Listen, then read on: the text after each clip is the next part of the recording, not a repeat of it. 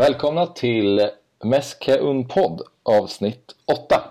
Eh, idag är det jag, Axel Nyslander, som drar i spakarna och med mig har jag Ruben Bergman. Välkommen! Tack, tack! Vi eh, saknar ju Ahmed som eh, alltid är här annars men han har lite tidsbrist och kunde tyvärr inte delta idag. Men kommer garanterat vara med i nästa avsnitt. Eh, men det blir du och jag idag Ruben. Stor press på oss nu. Stor press. Ja. Det, är ju, det är alltid skönt om man är tre så man liksom kan luta sig tillbaka lite när de andra två pratar och verkligen så reflektera. En andningspaus liksom. Exakt, men nu blir det, nu blir det bara att eh, gasa. Mm. Men vi, vi kliver in direkt och eh, eh, vi börjar prata lite om eh, matchen mot Valencia. Mm. 1-1 eh, matchen, det finns ju ganska mycket att säga. Framförallt så var det ju en eh, väldigt bra match, det var kul att titta på. Eh, sen var det kanske lite jobbigt med Barca ögon ur, ur vissa synpunkter. Men vi kan börja med rent, eh, det, det rent fotbollsmässiga. Vad tyckte du om insatsen? Ja, det var en jävla rolig match. Det är man ju knappast först med att tycka sådär. Men, eh, en otroligt rolig match, även ur ett objektivt perspektiv. Liksom. Men nej, det, det, är väl trots att Valencia kanske inte var i sitt esse den första halvleken så tycker jag väl ändå att det var nog Barsas bästa halvlek i den här säsongen hittills. Det, det, och jag inbillar mig att många håller med mig. Det, det var lite som vi har konstaterat tidigare, men det var ju så, det, det var så otroligt tydligt i den matchen att det mittfältet och allt från liksom återerövringen till bollinnehavet, uppspelsfasen och eh, centralt i plan. All, allt är ju liksom... Det sitter ju faktiskt. Valverde har ju fått det på plats på riktigt. Och det, det har vi sagt förut, men det är värt att nämna igen. Och på samma sätt var det ju så otroligt plågsamt tydligt att, att vi offensivt inte räcker till riktigt. Sådär. Men, men om man fokuserar på positiva, otroligt bra, otroligt bra återerövring, bra bollinnehav. En, en, en grym första halvlek, trots att Valencia kanske inte var riktigt så bra. De tappade ju bollen rätt mycket i sina omställningslägen. Det var de inne på i matchen också, experterna. Så det har de rätt i. det. Så fort det var omställningslägen så slog de ju faktiskt bort bollarna. Och då blev Barcas återerövring enklare. Men, men med det sagt så, så riktigt bra första halvlek. Vad tyckte du om andra halvlek? Ja, just det. Det är två halvlekar Nej, men eh, alltså som en effekt av att Valencia var bättre och inte slog bort sina omställningslägen så, så blev det ju mer böljande och mindre kontrollerat. Så, så, så en, en, sämre andra halvlek. Valencia var mycket bättre och sådär. Men det är ju svårt att inte vara nöjd med resultatet, tycker jag. Alltså på, vi pratade om det för två veckor sedan. Att att vi nog skulle vara nöjda med ett poäng på Mestalla. Och det var ändå jag. Mm. Eh, sådär. Det, det kändes som en win-win lite grann. Valencia får känna att äh, vi, fan, vi, kan, vi kan mäta oss med de allra bästa. Vi är ett lag att, att räkna med och Barcelona kunde liksom behålla momentum i och med att man inte att förlustnollan inte rök. Så, så lite win-win där. Mm. Eh, så. Ja, jag, jag håller med. Men jag tycker framförallt om man jämför med typ Juventus-matchen som visserligen var en ganska låst match för båda var rätt nöjda med det som försiggick så mm. där var det ganska stor riskminimering också. Det känns som att nu så var pressspelet lite aggressivare och lite högre vilket också gjorde att eh, Barcelona eh, kunde komma till fler målchanser och kunde komma närmare mål hela tiden men också i andra halvlek så såg man ju rätt tydligt att då fanns det ju ytor och Valencia var ju väldigt, väldigt vassa på att utnyttja dem, speciellt med med Sasa som sprang så otroligt mycket. Och även, ja jävlar vad de, vad de ja, kämpade. Det var ja. faktiskt helt otroligt. Man satt ju nästan och sådär fick lite små gåshud trots ja. att man ju var all in på Barca. Så. Publiken på Mestalla, ju, det känns som att det alltid är så otroligt intensivt och roliga matcher äh, Valencia borta för det är så de är så jäkla, eh, de lever sig in i matchen på ett sätt som få andra eh, publikskaror gör liksom, tycker jag. Mm. Ja, det är otroligt skönt att ha den avklarad den matchen. Ja. Real till exempel har ju den framför sig. Mm. Det, det känns, ju, känns ju inte helt fel. Och sen så... Men, mm. ja, du, men, fortsätt nej, men jag, jag, tänkte bara på, på apropå matchen och apropå eh, individerna så, så tycker jag, eh, om, om man börjar med Valencia, du nämnde Sasa skitbra ju. Han Guedes på mm. vänsterkanten. Mm. Vilket jävla tryck under dojorna. Alltså otroligt. Eh, mm. otrolig genombrottskraft med lite yta framför sig. Det, mm.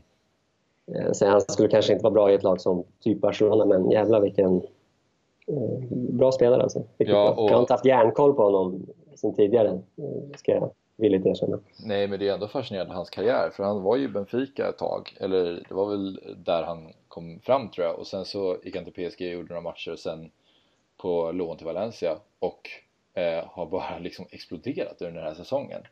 Mm. Eh, det är rätt fascinerande, alltså verkligen ingen form av uppbyggnad känns det som. Han var väl bra i Benfica men jag såg honom inte så mycket. Eh, mm. Och sen så, så smack. Så det, han har verkligen, det, det han gjorde var ju också att blotta lite Semedos eh, mm. defensiva svagheter. Eh, han, eh, han är ju bra offensivt men var det, som, det var Martin Åslund som var expertkommentator, han var ofta inne på det att nu får vi se att Semedo inte riktigt kan ligga rätt alltid, i, att han har en del kvar att slipa på defensivt. Liksom.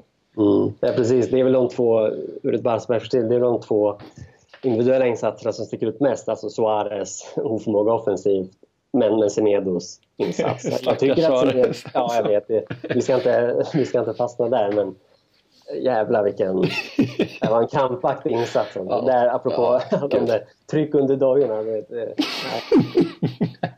vad jobbigt alltså. Ja, det är ju men, men Semedo liksom, det, han...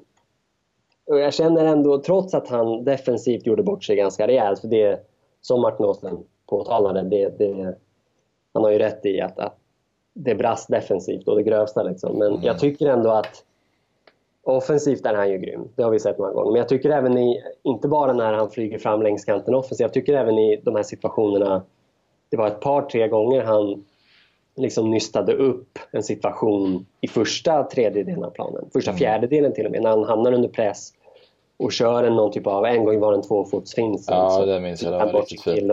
Den egenskapen att, att kunna under press liksom nysta upp situationen, den är ju värd ganska mycket. Alltså. Mm. Det, det tycker jag inte att till exempel Roberto kan lika bra. Han kan ju liksom skjuta iväg på ett sätt sådär också, men, men just det här med att, att trixa sig förbi en första press, det, så, så, ja. så jag tycker ändå att den egenskapen är nästan värd mer än, eller ja, det ska jag kanske inte säga, men det...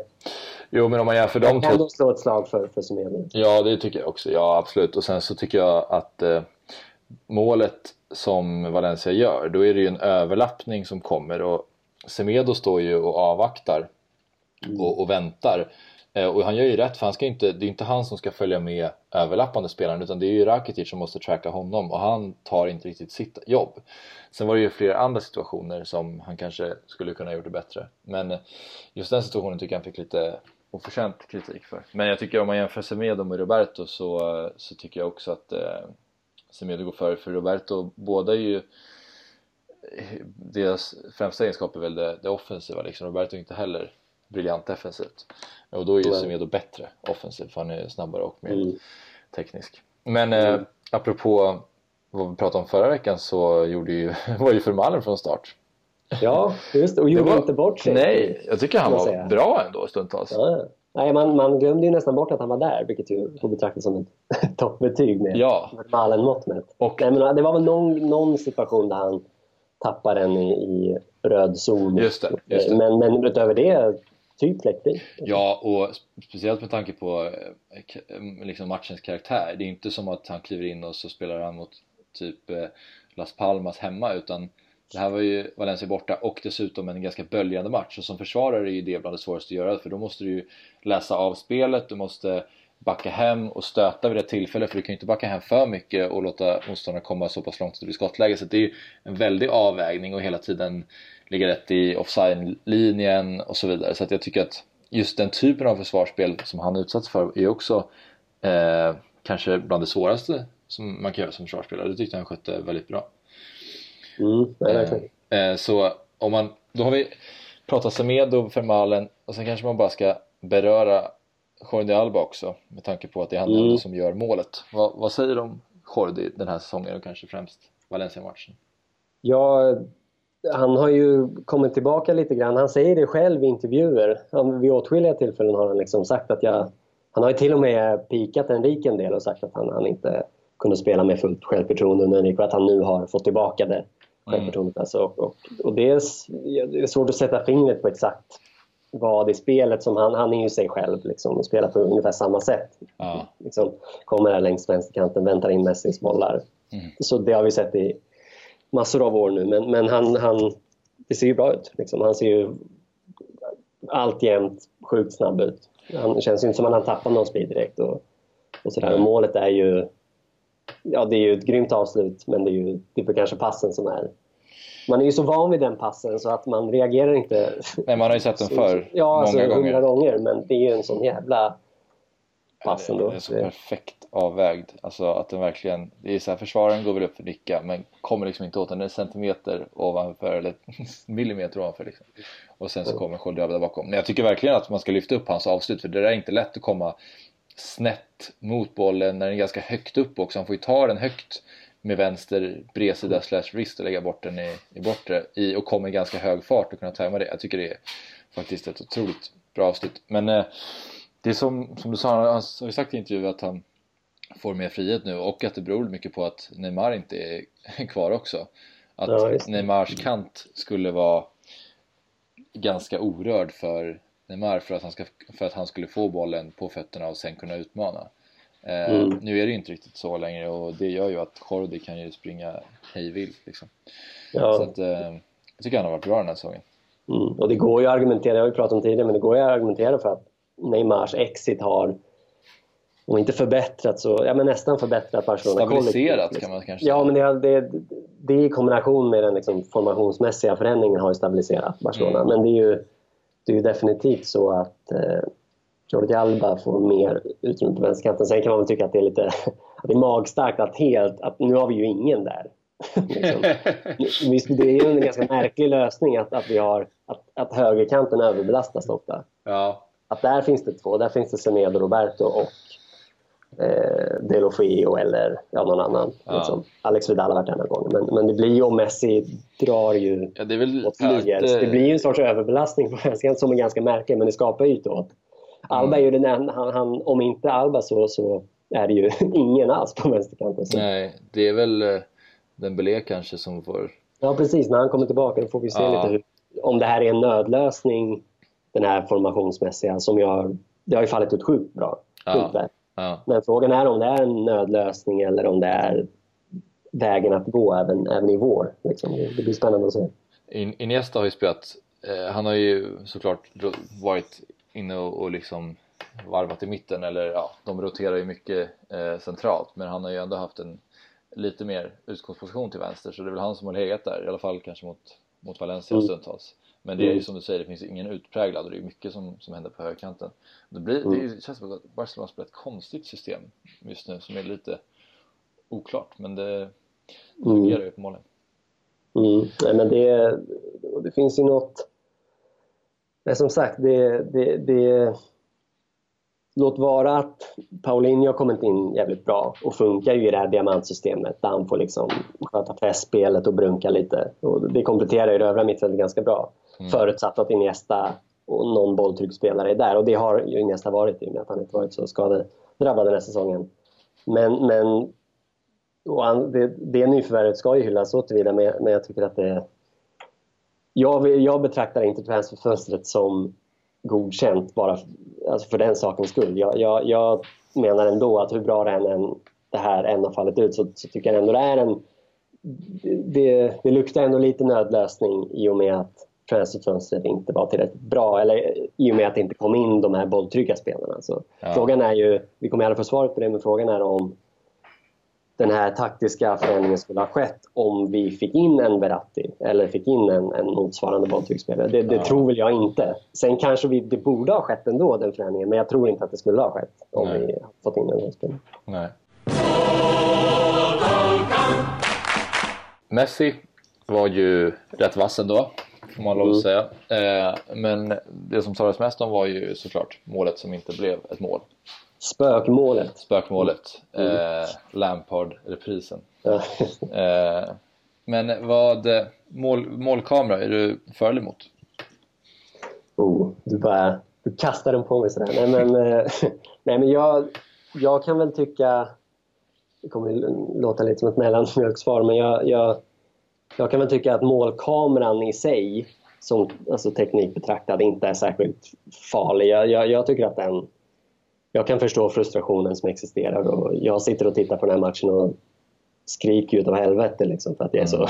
blir så lack. Och, så frustrationen förstår jag, men, men jag skulle väl, med det sagt skulle jag, är jag väl ändå någon typ av motståndare som jag, jag tror att det är liksom jag i likhet med andra, det finns ju många experter som, som tycker likadant. Jag, jag tror väl att det är ett steg i fel riktning. Jag tror att, och det lilla steget som i sig inte är så farligt, jag tror att det steget kan ge upphov till ytterligare steg längs den vägen som kan komma att bli komplicerade. Typ att man börjar eh, titta på filmningar i efterhand, alltså, eller inte i efterhand, under matcherna titta på filmningar, okay. vilket jag tror är helt vilket jag tror är kontraproduktivt och det grövsta. Jag, jag, har man spelat fotboll, det finns ju, det man vill ha är ju ett facit snabbt på, mm. på sekunden. Och det kan man ju få med målkameran, men det kan man inte få med en, en, en situation där Suarez kanske, nu filmar han i och för sig ganska rejält ofta, men man får ju oftast inte ett facit när det handlar om en situation som innehåller en, en nej, förstärkning det, eller filmning. Nej men, ja, nej men det är ju som du säger, allting som har med en bedömningsfråga att göra blir jättesvårt. Eh, men allting som är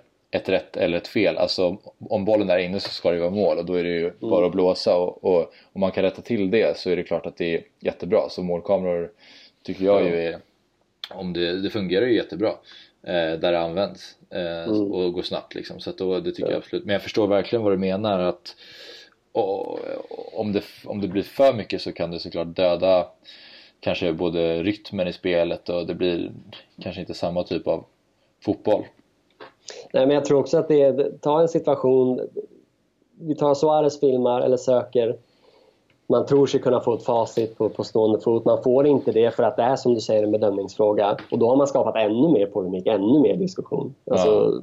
det, och där, där tror jag verkligen, och jag är inte ensam om att tycka det, men där tror jag att det man går snett när man tror att man ska kunna få ett facit i sådana typer av situationer. Men jag håller med dig om att, att målkameran i sig, som en, som en isolerad grej är, är inte fel tycker jag. Nej. Ja. Men det jag tycker faktiskt, om jag ska skydda domarna lite, så tycker jag att det är Alltså, det är klart att man blir upprörd och irriterad när det inte blir mål som, som ska vara ett mål men linjedomaren står ju och kollar offside-linjen, han kollar inte mot målet eh, mm. och huvuddomaren vet man inte om han kanske har någon som blockerar honom, han kanske har en dålig vinkel och inte säker, han ser att bollen studsar någonstans kring linjen. Den är ju tydligt inne men det är inte med mycket liksom. Eh, så det är så lätt att sitta och när, när det väl skedde då tyckte jag att ja, det ser ut som mål men jag var inte säker. Det var ju först när prisbilden vevades då blir man ju såhär, vad fan det där är ju solklart inne. Men det är så, så mm. många människor som inte ens reflekterar över att det kan ju faktiskt vara så att de, alltså om man, inte, om man som domare inte är säker på om det är mål eller inte då, då är det klart att man hellre friar än att ge ett mål som inte ens skulle vara mål. Kan jag mm. känna. Ja, alltså, jag, och jag håller med. Det, det, det är någon sorts, så har ju historien skrivits nu att det var liksom det mest solklara målet man någonsin sett. Det, jag, var inte, jag håller med dig, jag var inte helt säker i stunden. Jag satt ju och skrek mål för att jag hejar på Barcelona. ja, exakt. Jag, jag, jag, inte, jag var inte 100% säker. Och det är väl slutsatsen man landar i, då, eller som jag landar i, är väl att det snarare än, än ja, målkameran kanske då, men, men i stort så, så, tycker jag liksom fler, fler domare, alltså bättre, bättre verktyg för att domarna ska kunna göra en bättre bedömning i stunden. Men att ja. fortfarande vara en bedömningsfråga. Liksom. Ja, ja. kan väl jag tycka är liksom lärdomen man, man drar. Så. Men eh, i Italien så använder de ju VAR nu, mm. Video Assistant Referee. Um, som ju pratas jättemycket om och som används ganska flitigt i många situationer. Mm. Eh, vad, vad, tycker du om det? Har du tagit del av det? Vad, vad känner du? Det är ju, alltså, jag tycker väl inte, jag, oftast då har det, jag tycker inte det har gått så, varit så jävla farligt när det har skett. Det, det en farhåga var inför var att shit, det kommer bli, rytmen kommer förändras och, och det, då kommer jag kanske till och med göra fel och, och bedöma fel. Och, och, men det har väl inte gått så jävla fel. Men, men jag kan väl tycka någonstans att det, det inte riktigt är alltså nödvändigt. Jag, jag, jag tror att den lilla, lilla baksidan, för, för, jag, för jag tycker inte att det är en så stor baksida för tillfället. Som jag, som jag sa, det, det fungerar okej, okay, men jag tycker ändå den lilla baksidan som finns, det vill säga att den, lite av rytmen förstörs och man får inte fira målet direkt och publiken får inte fira målet direkt. Och jag tycker att den lilla baksidan ändå är, är för stor. Jag, mm. jag, jag, jag, tycker inte att... Och jag, jag tror som sagt att man med, med fler domare, kanske en tydligare straffområdesdomare, så, så, och kanske ett annorlunda regelverk, vad vet jag, men så skulle man, man uppnå samma resultat, tror jag. Så, så, så tillvida tycker jag att det inte är... Är jag ingen liksom... Alltså är jag motståndare ändå till det. Ja, okej. Okay. Mm. Alltså, för jag känner lite så här, jag är ganska för mycket av det som införs just nu för det är så mycket ända sedan man växte upp i fotboll så har man varit så, så irriterad så många gånger på felaktiga domslut och på saker som har skett i matcher och ju, ju fler verktyg som finns för att korrigera misstag och för att minimera alla möjliga misstag och få, för att få en så rättvis fotboll som möjligt. Alltså om man kollar på förra året, mötena mellan Real Madrid och Bayern München, nu säger man ju det här för att man är färgad som Barcelona-fan också, men mm. Bayern München hade ju tre typ eh, bortdömda mål för offside eller vad det var som typ var onside och, eller om det var Real som hade. Det var ju mycket kring i alla fall offside eh, slash onside. Och det kändes som att det var så här men det gled vidare genom det där mötet för att det var mycket domslut som var rätt tvivelaktiga. Och om, om, om det hade varit så att alla domslut hade tagit helt rätt så kanske Bayern München hade varit i final istället. Jag känner bara att så här, ju, ju närmare sanningen man kan komma desto bättre. Sen det enda jag känner är ju lite som du säger, när man kommer för, för långt ifrån den sport som man, som man har kollat på i hela sitt liv. När man känner att nu mm. är det så hackat, nu är det amerikansk fotboll istället för nu är det så mycket flaggor som kastas in och det är så lågt tempo.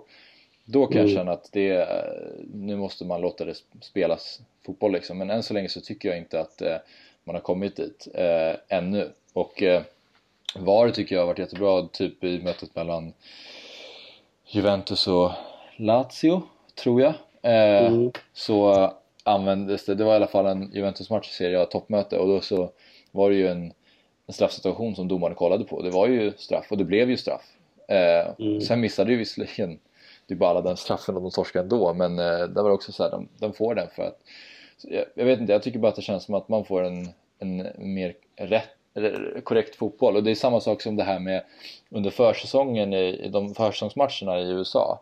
Då testades mm. ju, när det var straffläggning så testade de ju det här, äh, den här variationen på straffläggningen. Att man körde tiebreak-straffar, att man först slog ett lag en straff och sen slog nästa lag två straffar. Och sen slog mm. eh, första laget två straffar igen. Så här.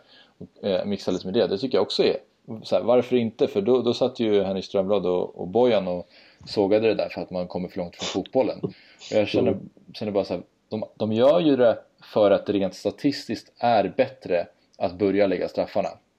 Det är större mm. chans att man vinner straffläggningen om man börjar slå straff.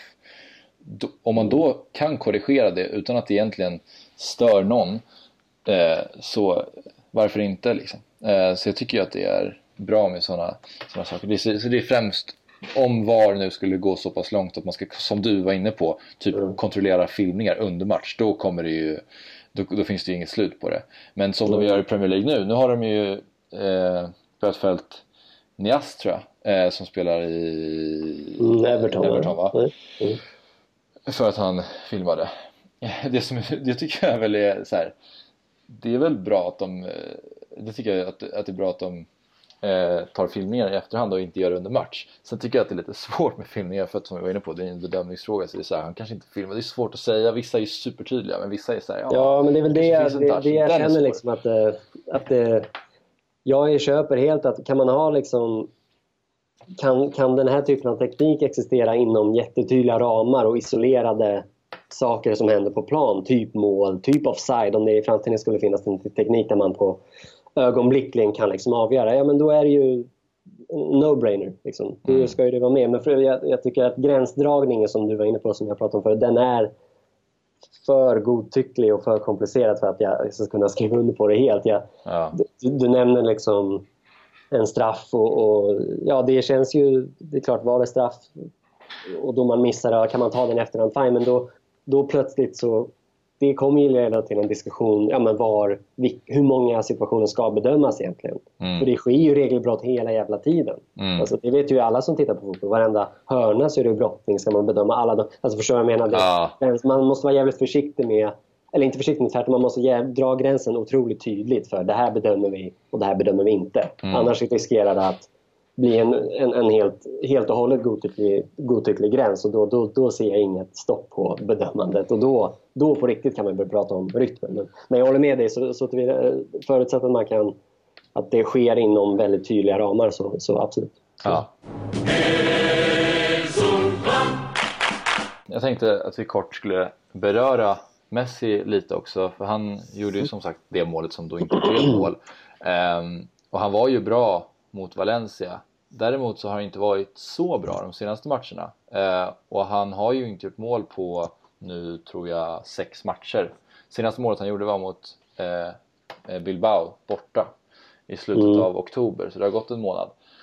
Uh, vad har, jag, jag har upplevt att vissa matcher så har han varit ganska, sen nu startar han på bänken mot, mot Juventus och han var inte med igår i cupmatchen och så vidare men vissa matcher tycker jag att han har varit ganska anonym. Alltså mm. Leganes borta, ja, verkligen. Barcelona vann med, med 3-0 när Suarez gjorde sina två mål och sen eh, Palinho mot slutet. Då mm. såg man knappt till Messi. Han var, han var riktigt lat den matchen. Ja, det, det var... då kände man, alltså för det var, då var det svårt att sätta verkligen och kände så här, det här är ju en match som han egentligen skulle, om han aktiverar sig själv som han verkligen gör när det är stora matcher då skulle han ju kunna göra två mål kän, känns det som liksom. Det, mm. det, känns som att han lite lite som går ner i tempo för att han känner att han inte riktigt betyder lika mycket. Nu är det så här, svårt att kritisera honom med tanke på att han har gjort mm. eh, och så vidare. Men jag vet inte, vad känner du? Ja, nej, jag, jag delar din uppfattning. Han, han har ju, det, det är inte så mycket uppfattning de senaste, sen Bilbao har han ju varit ganska lat med, eller riktigt lat till och med bortsett från första halvlek Valencia. Andra halvlek Valencia var han inte särskilt bra heller. Sådär. Liksom, bortsett från assisten som var grym då. Men, mm. men eh, bortsett från den första halvleken så har han varit riktigt eh, lat. Men jag, jag använder ordet lat just för att jag, jag det känns som du säger att han medvetet inte aktiverar sig själv. Mm. Alltså, och det är ju det är ju problematiskt såklart. Men det är långt mycket mindre problematiskt än om man skulle likt Suarez ta i för fulla puckar och ändå inte komma någon vart. Ja, men, alltså, lite ja, men det, så, det här är ju faktiskt en period där Barcelona är stabila, vi tar poängen. Ja. Det är faktiskt okej okay att vara lite lat om man heter Messi just nu. Ja. Om man under, under förutsättning att han har en till växel, vilket jag, ja men det har han ju. Det finns ju inget som pekar på att han inte skulle ha en, eller att han skulle ha tappat den där ytterligare växeln. Mm. Eh, ta i trä. Liksom. Men, men det, så eh, jag håller med, men jag, jag, jag, särskilt problematiskt upplever jag inte som en. Nej. Så.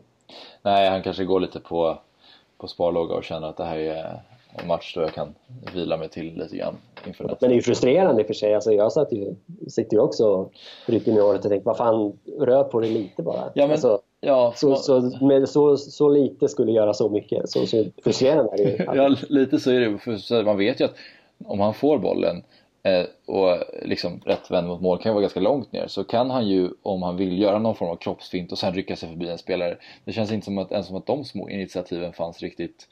Mm. Typ lägga borta och jag, jag vet inte. Det, han kanske inte var i just i toppform då eller?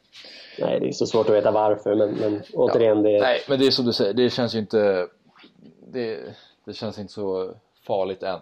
Eh, Nej. vilket är väldigt, väldigt, väldigt, väldigt skönt. Mm. Eh, ja, och Suarez har vi pratat så mycket om så att jag tänker att vi släpper honom där men det är beklagligt att han fortfarande mm. springer och kämpar men det händer inte så mycket. Cupmatchen Cupmatchen. Mot Murcia. De vann ju första mötet Barcelona med 3-0 och returmötet var igår ehm, och vann med 5-0. Så totalt 8-0 vilket är ju mm. väldigt bra. Sen är Murcia eh, ska ju vara 8-0 sämre än Barcelona men jobbet gjordes i alla fall. Um, om man tittar på matchen igår, um, såg du några utropstecken? Ja, det var en riktigt bra match trots att, som du säger, Murcia inte är ett supermotstånd men det, alltså det bestående intrycket jag känner är väl att utöver att det var en bra insats som vi kan liksom återkomma till, men, men att det, det finns något härligt när man känner att, att det finns ett liv efter, efter Messi, efter Iniesta, efter Busquets. Det, ibland sitter man och känner lite att vad fan, som man känner med alla ens, liksom, när ens favoritspelare börjar komma till åren, att vad, fan, vad händer sen? Liksom? Men här såg man ändå ett Barcelona som i och för sig mot ett sämre motstånd, men som ändå spelade riktigt bra och kändes inspirerad och det, det fanns fina, det var fina individuella insatser. Så det var, det var en härlig match eh, på så sätt. Men, men insatsmässigt, ja, alltså, det är svårt att, svårt att peka på det kollektiva eftersom det var så svagt motstånd. Men, men alltså, individmässigt så tycker jag väl att det var väldigt kul att se Alenja. Vi har ju hyllat honom förut och de flesta är väl rörande överens om att han, han är på riktigt. Men, men jävlar vad, vad jag, jag, Han har ett par, tre liksom sekvenser där han, där han ja, men typ framstår som en Iniesta när han liksom tvåfotar ja. sig förbi några och vänder på en femöring. Och han, eh, alltså, han, han är på riktigt. Ja. Jag, jag hoppas verkligen att han får... Han är ju väldigt ung så det är ingen stress. Förutsatt att han har tålamod, men, men, och det tror jag han har. Men, men hoppas att han släpps fram lite, för han har faktiskt Barca-fötter på riktigt. Hur skulle du vilja att Barcelona hanterade honom nu i så fall i ett sånt läge? Han är väl, vad är han, 20? 19? 19 alltså, inte ja. ens, ganska nyss fyllda 19 tror ja, jag. Ja just det, precis. Ja men han är ju superung. Han är och, ja, 19 och är ändå väldigt bra och ser väldigt lovande ut. Tycker du att han ska fortsätta eh, spela i Barca B och kanske komma upp i sådana här typer av kuppmatcher eller ska han lånas ut? Eller hur ser du på vilket bästa sättet för att, för att göra honom till en bättre spelare? Ja, det, det är ju liksom en ständig diskussion det där hur ska man behandla talangen och jag tycker väl att, jag är väl en av de som tycker att nej, det är inte, man ska inte till varje pris släppa fram talanger bara för att de är Barca-produkter. Men, men eftersom han är tillräckligt bra så tycker jag absolut att de, de det är deras skyldighet att släppa fram honom nu. Han, han, jag, jag, jag tror... Jag ser inte hur en utlåning till exempel skulle... Det är klart det skulle gynna hans utveckling, men att han skulle få speltid, att få speltid i A-laget skulle gynna honom ännu mer. Det är ändå det systemet han ska in i mm. förhoppningsvis. Så han, han är, inte för att han... Inte enbart för att han är en, en, en hemvävd produkt, men för att han är tillräckligt bra. Därför ska han ha chansen. Och jag, för jag tror att han skulle gå in och göra bra ifrån sig. Även i, i liksom högkalibriga matcher. Ja. Det, det, tror jag. Han har, ju, han har ju precis det vi har pratat om tidigare att, att, som Barcelona behöver få in, det vill säga lite fötter och mm. lite en sorts liksom, bolltrygghet som, som i, i förlängningen kan försäkra att Barcelona att man framöver kan spela på det sättet de vill göra. Det har ju han. Så han ja. ska in, säger jag. Och han verkar ju... Med det sagt så nu låter det som att, de, att jag är rädd för att de de inte ska släppa fram honom. Och det är jag, men med det sagt så har han ju fått ett nytt kontrakt precis och det är för tidigt tycker jag att skriva av Bartomeu-ledningen som helt och hållet liksom, att de helt och hållet stirrar sig blinda på att, att köpa in stora stjärnor. Och mm. det, det, vi har varit inne på det förut. Jag har pratat med, med när Emelie var med pratade vi om det mycket. Att, att det, jag, jag, som jag ser det är inte återstår att se huruvida Barcelona har vänt ryggen åt akademin eller om det faktiskt är så att produktionen av talanger har en tillfällig svacka, vilket är helt naturligt. Det går ju vågor det där. Och jag, jag, typ, fallet Alenia kommer ge oss något typ av delsvar i alla fall på den frågan. Mm. För han är tillräckligt bra. Tidigare och de senaste fem åren har, har talangerna inte varit det, men han är det. Och nu, då får vi facit på, är, är de villiga på att satsa eller kommer det är de ändå, ändå ganska stora ord du ger Alenia. Ja, då är det kanske överord. Men jag, jag tycker det, det, det, är inte ofta man, man ser så jävla många alltså i allmänhet, men i Barcelona i synnerhet spelare som... Det blir så tydligt i Barcelona eftersom de har ett så snävt sätt att spela på och behöver en sån specifik typ av spelare. Jag vet inte hur många spelare man, man har sett komma och gå som från dag ett i mina ögon inte har varit tillräckligt bra. Liksom. Ja. Jeffren, Bojan, alltså, det ja. finns ju hur många som helst som, som har fått otro, varit otroligt hypade men som tycker jag då, då det har varit plågsamt tydligt att nej, det här är inte Barcelona-material. Så att se någon som faktiskt är Barcelona-material, vilket jag tror Alenia är, det, det, mm. då blir man ju taggad. Mm. Nej, ja, jag håller med och jag tror att det, så här, det eh, jag tror inte att man ska låna ut honom för att jag tänker att det, det, går ju inte att få en bättre fotbollsmiljö om man vill utvecklas än att spela med de absolut bästa spelarna i världen såklart. Än om man skulle gå till ett så här sämre La Liga-lag, han får fortfarande en bra utbildning och han får visserligen match eh, erfarenhet. Men det tänker jag att han kanske kan få om man får spela, eller det får han ju uppenbarligen om man får spela Barcelona B-matcher och kanske varvas in i någon, någon match här och var mot ett sämre motstånd. Eh, så jag tror absolut att han också ska stanna kvar och inte, inte gå någonstans. Eh, det är ju, för han, det finns ändå, i och med att han är så ung så kan han fortfarande formas men andra spelare som kommer och kanske lite äldre och kommer till klubben och, och försöker liksom akklimatisera sig men hamnar på bänken och att alltså de, där har ju hoppet gått lite grann om de inte kan slå sig in såklart mm. men eh, han, i och med att han är så ung så tycker jag tveklöst att eh, han ska stanna i Barcelona och inte mm. eh, lånas ut. Jag tror att det gynnar honom mer om han stannar. Mm. Och nu finns det också ett behov. Alltså det, det är skillnaden från tidigare. att eh, Ta Thiago till exempel. Han mm. var ju riktigt bra och eventuellt liksom någon, någon sorts arvtagare till mm. Xavi och Iniesta. Men där, då var ju både Xavi och Iniesta i sin prime och det fanns inte det behovet att få in ytterligare en sån spelare Nej. där och då. Det är klart man, och, och någon, det finns en gräns för hur mycket hur stort tålamod en spelare kan ha. Så jag tycker att, där, att han lämnade för Bayern München till slut, det tycker jag... Det, väl, det var inte särskilt beklämmande tycker jag. Det kändes förhållandevis naturligt. Liksom. Men nu finns det ju ett behov. Ja, så, ja. så den sportsliga ledningen, Fernandes och Bartomeu och company, de, de, är de tillräckligt sportsligt kompetenta, vilket ju det råder delade meningar om, mm. Eh, om de är det eller inte. Är de det, då, då kan de identifiera det här behovet att vi behöver få in en sån typ av spelare, här har vi en sån typ av spelare. Mm. Mm. Så, så nej, han borde in. Nej men eh, så är det ju. Sen om man kollar på till exempel Delofeo som ju var i... Han kämpar. Ja, han, var ju, han, han är ju också uppfostrad i Barca men sen så så har han ju gått på massa eh, lån till Everton och Roma och så vidare och eh, det är inte så att han har kommit tillbaka som en bättre spelare eh, känner jag utan han är ju fortfarande, fan, ja han sliter verkligen men det, ja. han har ju för, för okontrollerad bolltouch för att det ska kunna fungera det känns som att han, han, är, han är för snabb för sitt bästa Hans fötter, ja, hans, fötter rör sig, hans fötter rör sig snabbare än vad hans eh, fotbollshjärna gör på något sätt. Så han ibland, det är ju som att han så här, någon gång där i första halvlek i, igår när han löpte ner och han, gjorde, han spelade, sprang förbi en, en back och gjorde det jättebra och sen så tappade han ut den över. Ja, jag vet exakt. Ja, och det är för att han är såhär, oj där var, där var min fot, han är inte med, eller såhär, där var bollen liksom.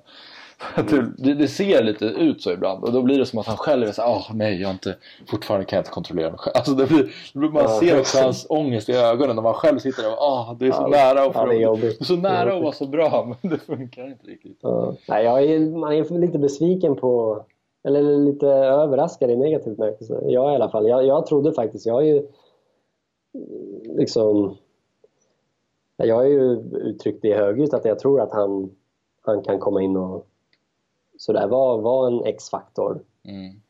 men han, han, nej jag vet inte. Och i Milan tyckte jag, jag såg ändå en del på honom i Milan, tyckte att han var liksom att han hade mognat lite grann i alla fall. Valpig var han ju fortfarande men, men ändå sådär Mm. Han, han sliter så extremt mycket en mot en-spelet. Man ser att det finns fart där men, ja. och, och genombrottskraft men, men alltså det, han måste ju ha en, hans eh, en mot en procent. Mm. Alltså lyckade, det måste ju vara alltså, fruktansvärd. Alltså, det måste vara den sämsta i, i spansk, i hela Europa. Alltså, ja. han, han är ju så otroligt företagsam. Det får man ge honom. Han kämpar ju på och tar sig an spelaren varenda jävla gång. Men det, det går ju aldrig. Alltså. Det, sen ska jag också tycka han kommer han, nu fick han i och för sig spela till vänster igår och det var inte mycket bättre ju. Men jag, jag kan tycka att han, han, han huserar ju åt höger i anfallet och mm. jag kan mm. tycka att han, han känns som en, en, inåt, en inåtgående ytter snarare mm. än en utåtgående ytter. Mm. Sådär. Så det är väl lite, kan jag tycka, lite synd om att, att han hela tiden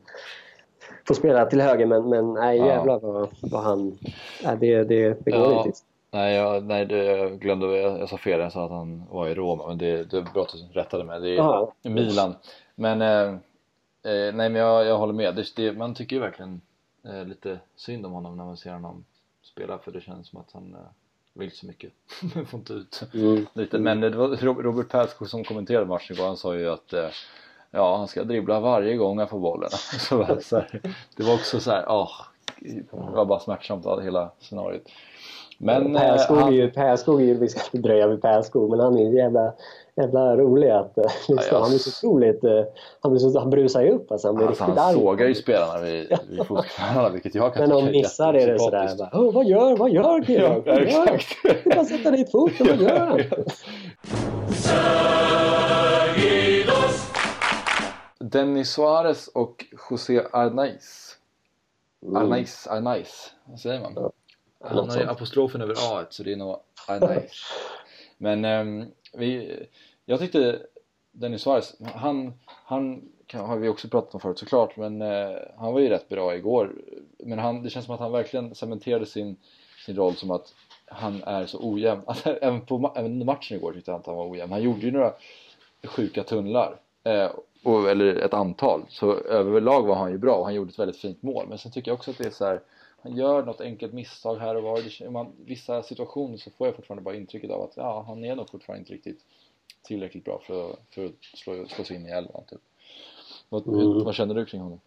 Nej, du, jag... du gillar ju Suarez, har jag fått Ja, ja nej, men jag gillar honom jättemycket och jag tycker fortfarande att han är en spelare Barca borde satsa på. För han, han, nej, men jag, jag, jag, bara ser honom som tillräckligt bolltrygg. Man, man kan få in honom på mittfältet. Kanske ja. inte som en liksom helgjuten startspelare alltid. Än i alla fall. Men, men jag tycker att han är tillräckligt bra och liksom katalansk inom citationstecken för, för att mm. få en plats där. Men, men sen med det sagt så håller jag med dig. Han, han, han är ju alltjämt ojämn. Och sen kan jag också tycka att jag man har ju närt någon typ av förhoppning att han ska bli en, en ren Iniesta-typ. Han är ju ändå mer en Iniesta-typ än en Xavi-typ. Ja. Det är ändå min känsla. Men han, med det sagt så... Han är inte riktigt lika bra en mot en. Han, han har svårt att gå förbi sin spelare på riktigt. Alltså där har Iniesta ju så otroligt, liksom, eller var och är till viss del mm. fortfarande, mm. men framförallt var så otroligt bra på att slå sin gubbe och attackera backlinjen på det sättet och skapa yta åt andra och skapa yta åt Messi och mm. bröt, bröt linjen på det sättet. Mm. Där, är, där, har ju Suarez, där lämnar ju Suarez en, en del i övrigt att önska. Alltså han är absolut tillräckligt bolltrygg för att kunna snurra bort en första press till exempel. Mm. Så på det sättet tycker jag han ska in. Man ska satsa på Men han, han är ju inte en Iniesta-arvtagare på det sättet. Det, det, får man ju lova att eh, erkänna i nuläget. Mm. Mycket kan ju hända, men det, det, är min känsla just nu kring honom. Mm. Um, är nice. Mm, nice. Han, han, alltså, vi, ja, ja, man, var ju, man var ju nästan lyrisk efter första matchen. Ja, det var han. Ja. ja, och han var ju faktiskt bra den här matchen också. Ja, eller hur? Han, är, han har ju spets alltså. Ja. Han, han känns ju... Han, alltså, det är lätt att, att uh, man får hålla i hatten lite, det, säger jag till mig själv. Men, men det är han i min bok så det, det är nästan så att han går före Delofeo i nuläget. Alltså, han, han känns ju mer spetsig än Delofeo. Ja. Och, vad är det Delofeo ska bidra med? Ja, det är ju liksom enbart, det är klart djupledsspelet utan boll men framförallt är det ju genombrottskraften med boll. Ja. Och där, har ju, där sliter ju Delofeo något enormt. Mm. Medan eh, Arnaiz känns ju riktigt spetsig i det avseendet. Så, ja, ja. Det kommer ju inte hända, men, men eh, jag tycker att det är, det, är en, det är en spännande tanke att leka med. I alla fall. Det tycker jag också. Eh, mm. ja, men, verkligen. Och jag vet inte, det är svårt att bedöma eftersom det är mot Murcia. Man har sett honom två matcher. Men Samtidigt, det var ju mot Murcia vi såg Delofeo igår också ja, exakt, och han slet ju mer än vad Arnaiz gjorde mm. Eh, och hade större problem eh, och liksom så nästan ganska tätt in på att han kom in på plan så gjorde han ju mål eh, Arnaiz ja, och ganska så här, ett bra avslut med, med fel fot också i, eh, tror jag, det var väl vänstern han, mm. eh, så jag vet inte, det känns som att, jag, jag, jag håller helt med om att han är väldigt spännande han och Alenia skulle man ju vilja se mer av. Men mm. eh, om man ska beröra ytterligare en, en eh, spelare som var igår då, Oriol Busquets. Ja, eh, man vill ju så gärna att han ska vara grym bara för att han heter Busquets. Man satt bara det skulle, det skulle finnas en, en dramaturgi där att, att liksom, ja. han kommer in och... Och man vill ju också gärna det, att det ska vara hans lillebror, men det är det ju inte. Nej, det skulle vara ännu bättre.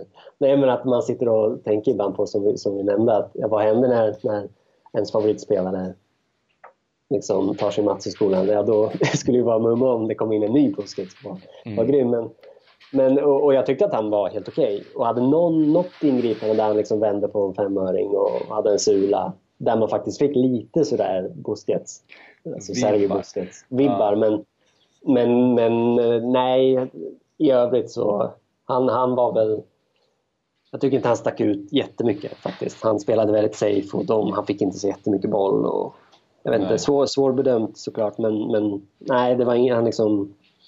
Nej, han stack inte ut jättemycket tycker jag. Nej, nej, eh, nej jag håller med och han... Eh, jag tycker nästan lite synd om honom, visst för att han spelar på den positionen och heter Busquets. Han kommer ju forever ja. in his, i sin karriär liksom så kommer han bli förknippad med Sergio. Mm. Ja, men jag tror att det var det för den här veckan. Har du någonting som du känner att du vill eh, tillägga? Oh. Det är svårt Nej, det, det är väl att om det är någon ska... spelare du vill lyfta eller något sånt där. Nej, Ter Stegen fortsätter att vara... Det är väl, det är väl Ter Stegen i så fall. Och huruvida ja. han är... Ja, hur bra är han egentligen? För han har ju varit så, så otroligt bra och lyfts ju fram av allt fler som en av de bättre i världen just nu, ska man tillägga. Men, men, och det, det är väl frågan där kring eh, Mats, som han kallas. Det är roligt att de bara... Hans liksom initialer så långt namn som man säger Mats helt enkelt. Jag tycker det är jättehärligt. Ja, jag, jag älskar att kalla honom för Mats. Så för men, jag, liksom, jag tror du och jag är, var, är väl ganska överens där att han... Ingen av oss var väl så stora Nej. Eh, Ter Stegen-vurmare liksom. Nej. Eh, med tanke på hans, hans eh, med tanke på fjolåret och framförallt eh, våren förra året va? Mm. som var sådär, framförallt Champions League. Mm. Men och så jag vill väl fortfarande säga, men håll i hatten lite. De, de allra mest avgörande matcherna har inte spelats än. Det är då han ska vara lika stabil som han är nu. För det är väl mm. det som är nyckelordet kring, kring målvakten. Det ska liksom finnas en, en stabil grund att stå på genom en hel säsong. Mm. Och, och, att han har en höjd råder det ingen tvekan om. Men den här stabila grunden, jag, liksom, jag vet inte. Jag, jag, jag, jag, jag vill ju såklart att, att eh, jag önskar att jag har fel. Och det kanske jag kommer att få. Men, men nej, the jury is still out liksom. Lite grann. Ja, nej, jag, jag, eh, ja, nej som sagt, vi har ju båda tyckt att han var dålig, men jag har verkligen eh, vänt efter bara början på den här säsongen. Jag tycker ju att han så otrolig förbättring på så många områden. Eh, och nu känner jag verkligen så här, som att jag är en del av Ter och bara känner att så här, nu måste han ju få den uppmärksamhet som han förtjänar. Jag vet ju att eh, eh Barcelonas officiella konto på Twitter de mm. la ut mycket om, har lagt ut mycket om Ter Stegen de här senaste veckorna. Eh, just för att han har varit så pass bra och då, då, då var det många som kommenterade att så här, handlar det här kontot bara om Ter Stegen och Messi? Finns det inga andra spelare i det här laget? Och det blev så här för mycket av Ter Stegen att de fick då gå ut och tweeta och så här, ja det är klart att det, jag, tror att, jag tror att de skrev en tweet där det stod någonting typ ah, med de här två spelarna så kan vi komma långt eller något sånt där. Ja, men fan den såg jag också. Ja. Där de två, skrev de inte de de två största anledningarna till att ja, vi det. befinner oss där vi befinner oss. Vilket ju är en helt absurd sak att Ja, det är ju det. det, är ju, det är, jag satt och bara... Jag minns tydligt när jag scrollade, som man gör. Ja, exakt.